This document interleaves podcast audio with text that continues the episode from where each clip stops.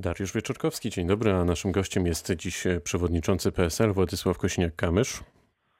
Dzień dobry panie redaktorze, pozdrawiam bardzo serdecznie. Z najnowszego sondażu Ibris na zlecenie Onetu wynika, że możliwa jest druga tura wyborów. Urzędujący prezydent Andrzej Duda zmierzyłby się w niej z Władysławem Kosiniakiem-Kamyszem, czyli z panem. Co pan na to? Jak e, mówiłem o, takim scenariuszu na początku roku, kiedy miałem 3-4% poparcia w sondażach, e, to niewielu dawało wiarę. Dziękuję tym, którzy, którzy e, uwierzyli i razem ze mną pracują, współpracują i popierają. Oczywiście to są tylko sondaże, więc ja naprawdę nigdy nie wpadałem w rozpacz, jak były gorsze, ani w euforię, jak są lepsze ale cieszę się, że coraz więcej e, wyborców, naszych rodaków dostrzega ten kierunek e, polityki, którą prezentuje, który proponuje, odbudowy wspólnoty, współpracy, ale też mocnego stania po stronie wartości demokratycznego państwa prawa. A myśli pan, że to e, jest, wejdę w słowo, myśli pan, że to jest właśnie ta konsekwencja u pana, że pan ani razu w przeciwieństwie do pani Kidawy Błońskiej nie mówił o tym, że się, no może nie obraża, ale będzie bojkotować wybory, etc.? Myślę, że, że taka konsekwencja w dążeniu do osiągania celów, zmiany na lepsze w Polsce, y, przywracania Polsce nadziei i niezwątpienia, że to jest możliwe, nawet jeżeli przeciwnik dyktuje ci warunki y, nie fair, zmienia reguły gry w trakcie jej trwania, można osiągnąć ten cel i tutaj ja z tego kursu nie zejdę. Wierzę, że ta, ta strategia i ten kierunek jest po prostu dobry dla Polski. To skoro... E, I zrobię wszystko, żeby tak było. To skoro pan przewidział e, sondaże, to może pan przewidzi, o co gra w takim razie Jarosław Gowin? Chcę, chcę e, zatrzymać to, to szaleństwo wyborów korespondencyjnych 10 maja, które są po prostu nierzetelne, niebezpieczne i nieprzygotowane. I, I tutaj jak najbardziej rozumiem jego postawę E, gdyby nie jego postawa, pewnie byśmy o tym w ogóle nie dyskutowali, dawno byłoby to przegłosowane. E, więc e, miał wybór, jak sam powiedział, między życiem a śmiercią, wybiera życie. Mam nadzieję, że nie będzie w tym osamotniony w swojej formacji politycznej, że będzie tych posłów kilku, kilkunastu, którzy, którzy razem wtedy z opozycją mogą zatrzymać to szaleństwo wyborów korespondencyjnych 10 maja. A na co właściwie się umówiliście z szefem porozumienia?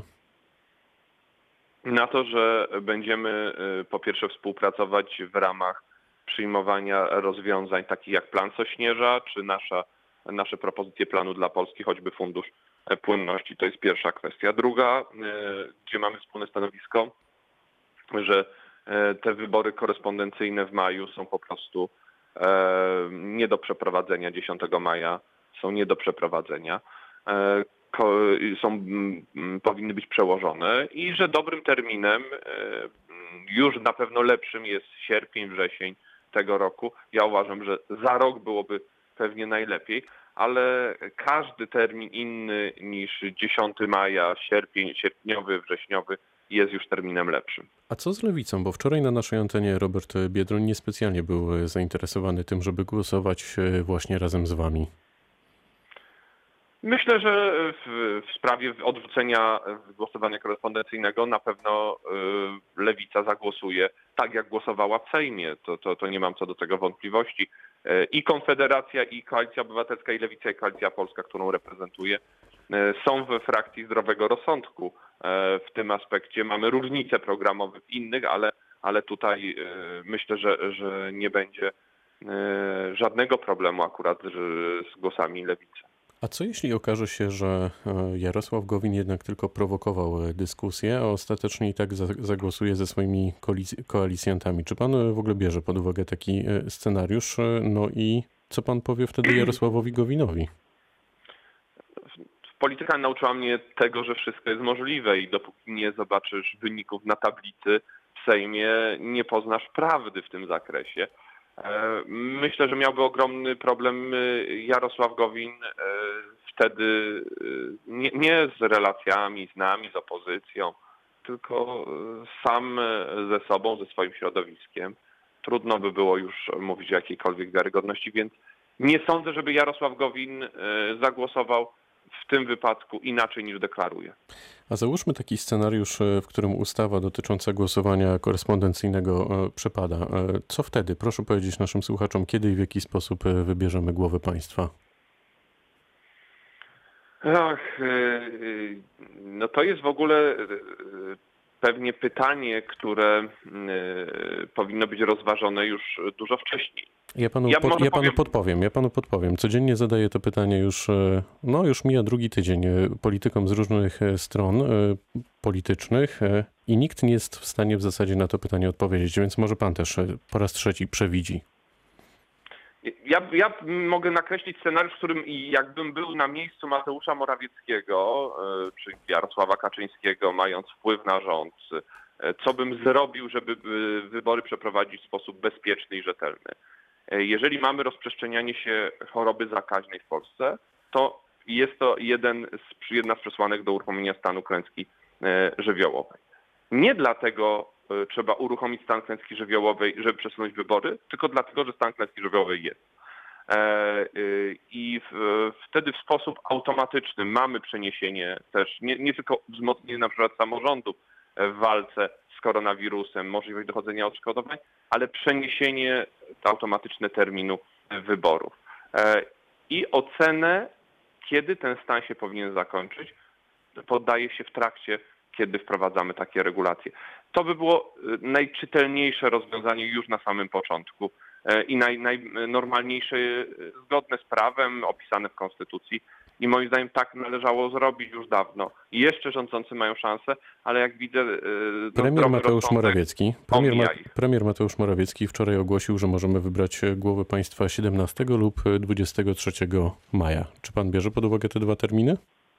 O nich się mówi, o, e, zresztą w tym, tej ustawie o głosowaniu korespondencyjnym są przepisy, które pozwalają premierowi wyznaczyć inny dzień wolny od pracy, y, jak, y, że premier będzie miał możliwość, bo wybory muszą odbywać się w dniu wolnym od pracy i chyba są też przepisy uprawniające dla marszałka zmiany zarządzenia y, możliwego terminu wyborów.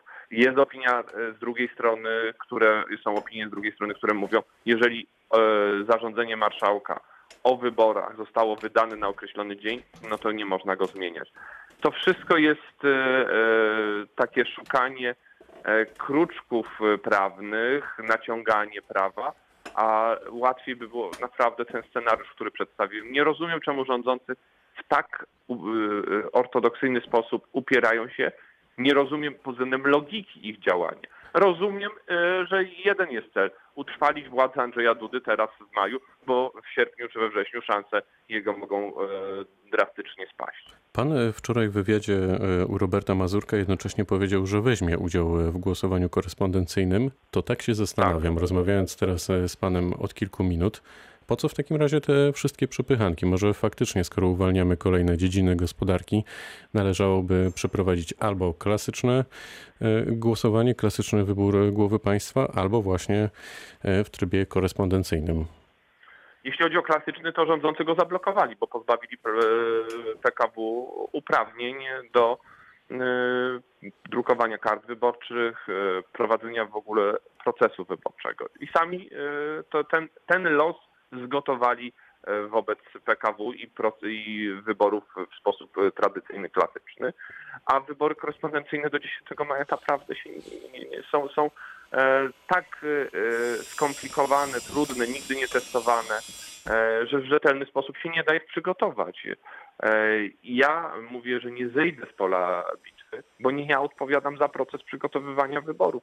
To rządzący są za ten proces odpowiedzialni, a nie ci, którzy startują, więc na nich spadnie odpowiedzialność i za to też trzeba będzie ich rozliczyć po wyborach. Ale ja nie mogę oddać Polski walkowerem E, dalej dla, e, w ręce Andrzeja Dudy, bo widać, że dzisiaj w sytuacji kryzysowej on sobie po prostu nie radzi i przez kolejne pięć lat to będzie się tylko pogłębiać. Z jednej strony e, mamy wybory, z drugiej walkę z koronawirusem, ale wydaje mi się równie wielkim wyzwaniem jest susza w naszym kraju kolejny rok tak. z rzędu. Co pan proponuje w tej sprawie zrobić, jak z nią walczyć? I to jest alarm suszowy, suszowy y, i trzeba kilku działań. Po pierwsze działanie całościowe to jest Narodowy Program Małej Retencji. apeluję od kilku lat o niego. Robiliśmy pilotaże w części województw, program Sadzawka. Są gotowe programy, które można byłoby uruchomić. Te ostatnie pięć lat rządów Andrzeja Dudy pod tym względem niestety zmarnowane. Bez pozwoleń, małe zbiorniki, obowiązek zbiorników przy nowo powstających osiedlach, bo to chodzi również o miasta. Możliwość dzisiaj, działanie pilne na teraz, możliwość korzystania nieodpłatnego z wody do celów gospodarskich dla rolników, dla gospodarzy z zbiorników ogólnie dostępnych. Na pewno bez całościowego planu retencji nie wyjdziemy z tej sytuacji, bo susza jest już co roku, z roku na rok coraz bardziej się pogłębia. No i wypłata odszkodowań za suszę z 2019 roku.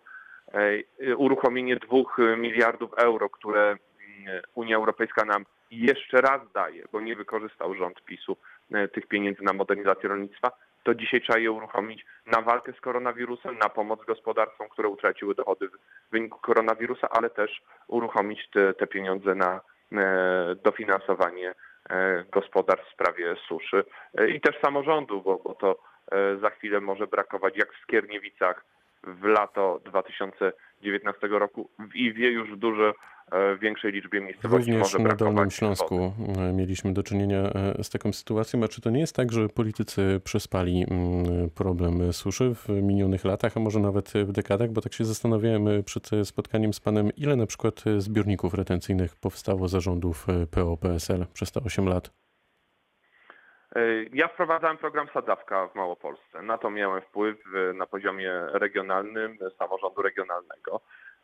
Powstały duże zbiorniki przez lata budowane i tutaj nie przypisywałbym jednej opcji, tylko wszystkim, jak Świnna Poręba.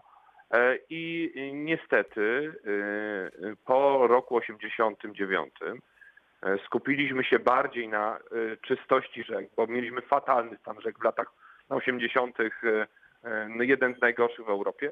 Tu się udało wykonać pracę, oczyszczone rzeki lepszej jakości, no tylko brakuje dostępu do wody. Ja o tym mówię od kilku dobrych lat. Nie miałem takiej pozycji nawet w ostatnich latach. Przecież jestem w opozycji, żeby móc przeforsować to wszystko. Dobrze, dzisiaj więcej osób zaczyna o, o tym mówić w ten sposób, Musimy że mała kończyć. retencja jest. Musimy kończyć. W takim razie, co przed nami, co przyniosą najbliższe dni? Na pewno y, przyniesie nam rozstrzygnięcie 7 maja głosowanie albo brak głosowania też będzie rozstrzygnięciem. Y, Głosowanie nad poprawkami Senatu lub uchwałą o odrzuceniu ustawy o głosowaniu korespondencyjnym. I w końcu y, na trzy dni przed planowanym terminem wyborów będziemy wiedzieć, co z wyborami. No to jest nieprawdopodobne, że, że ci, którzy mają władzę, dopuścili do takiej sytuacji, ale tak będzie. Do tego momentu wszystko, wszystkie scenariusze pewnie są możliwe. Powiedział przewodniczący PSL Władysław Kośniak-Kamysz, który był gościem rozmowy Dnia Radia Wrocław. Bardzo dziękuję za spotkanie. Pozdrawiam serdecznie, miłego dnia. Pytał Dariusz Wieczorkowski. Dobrego dnia.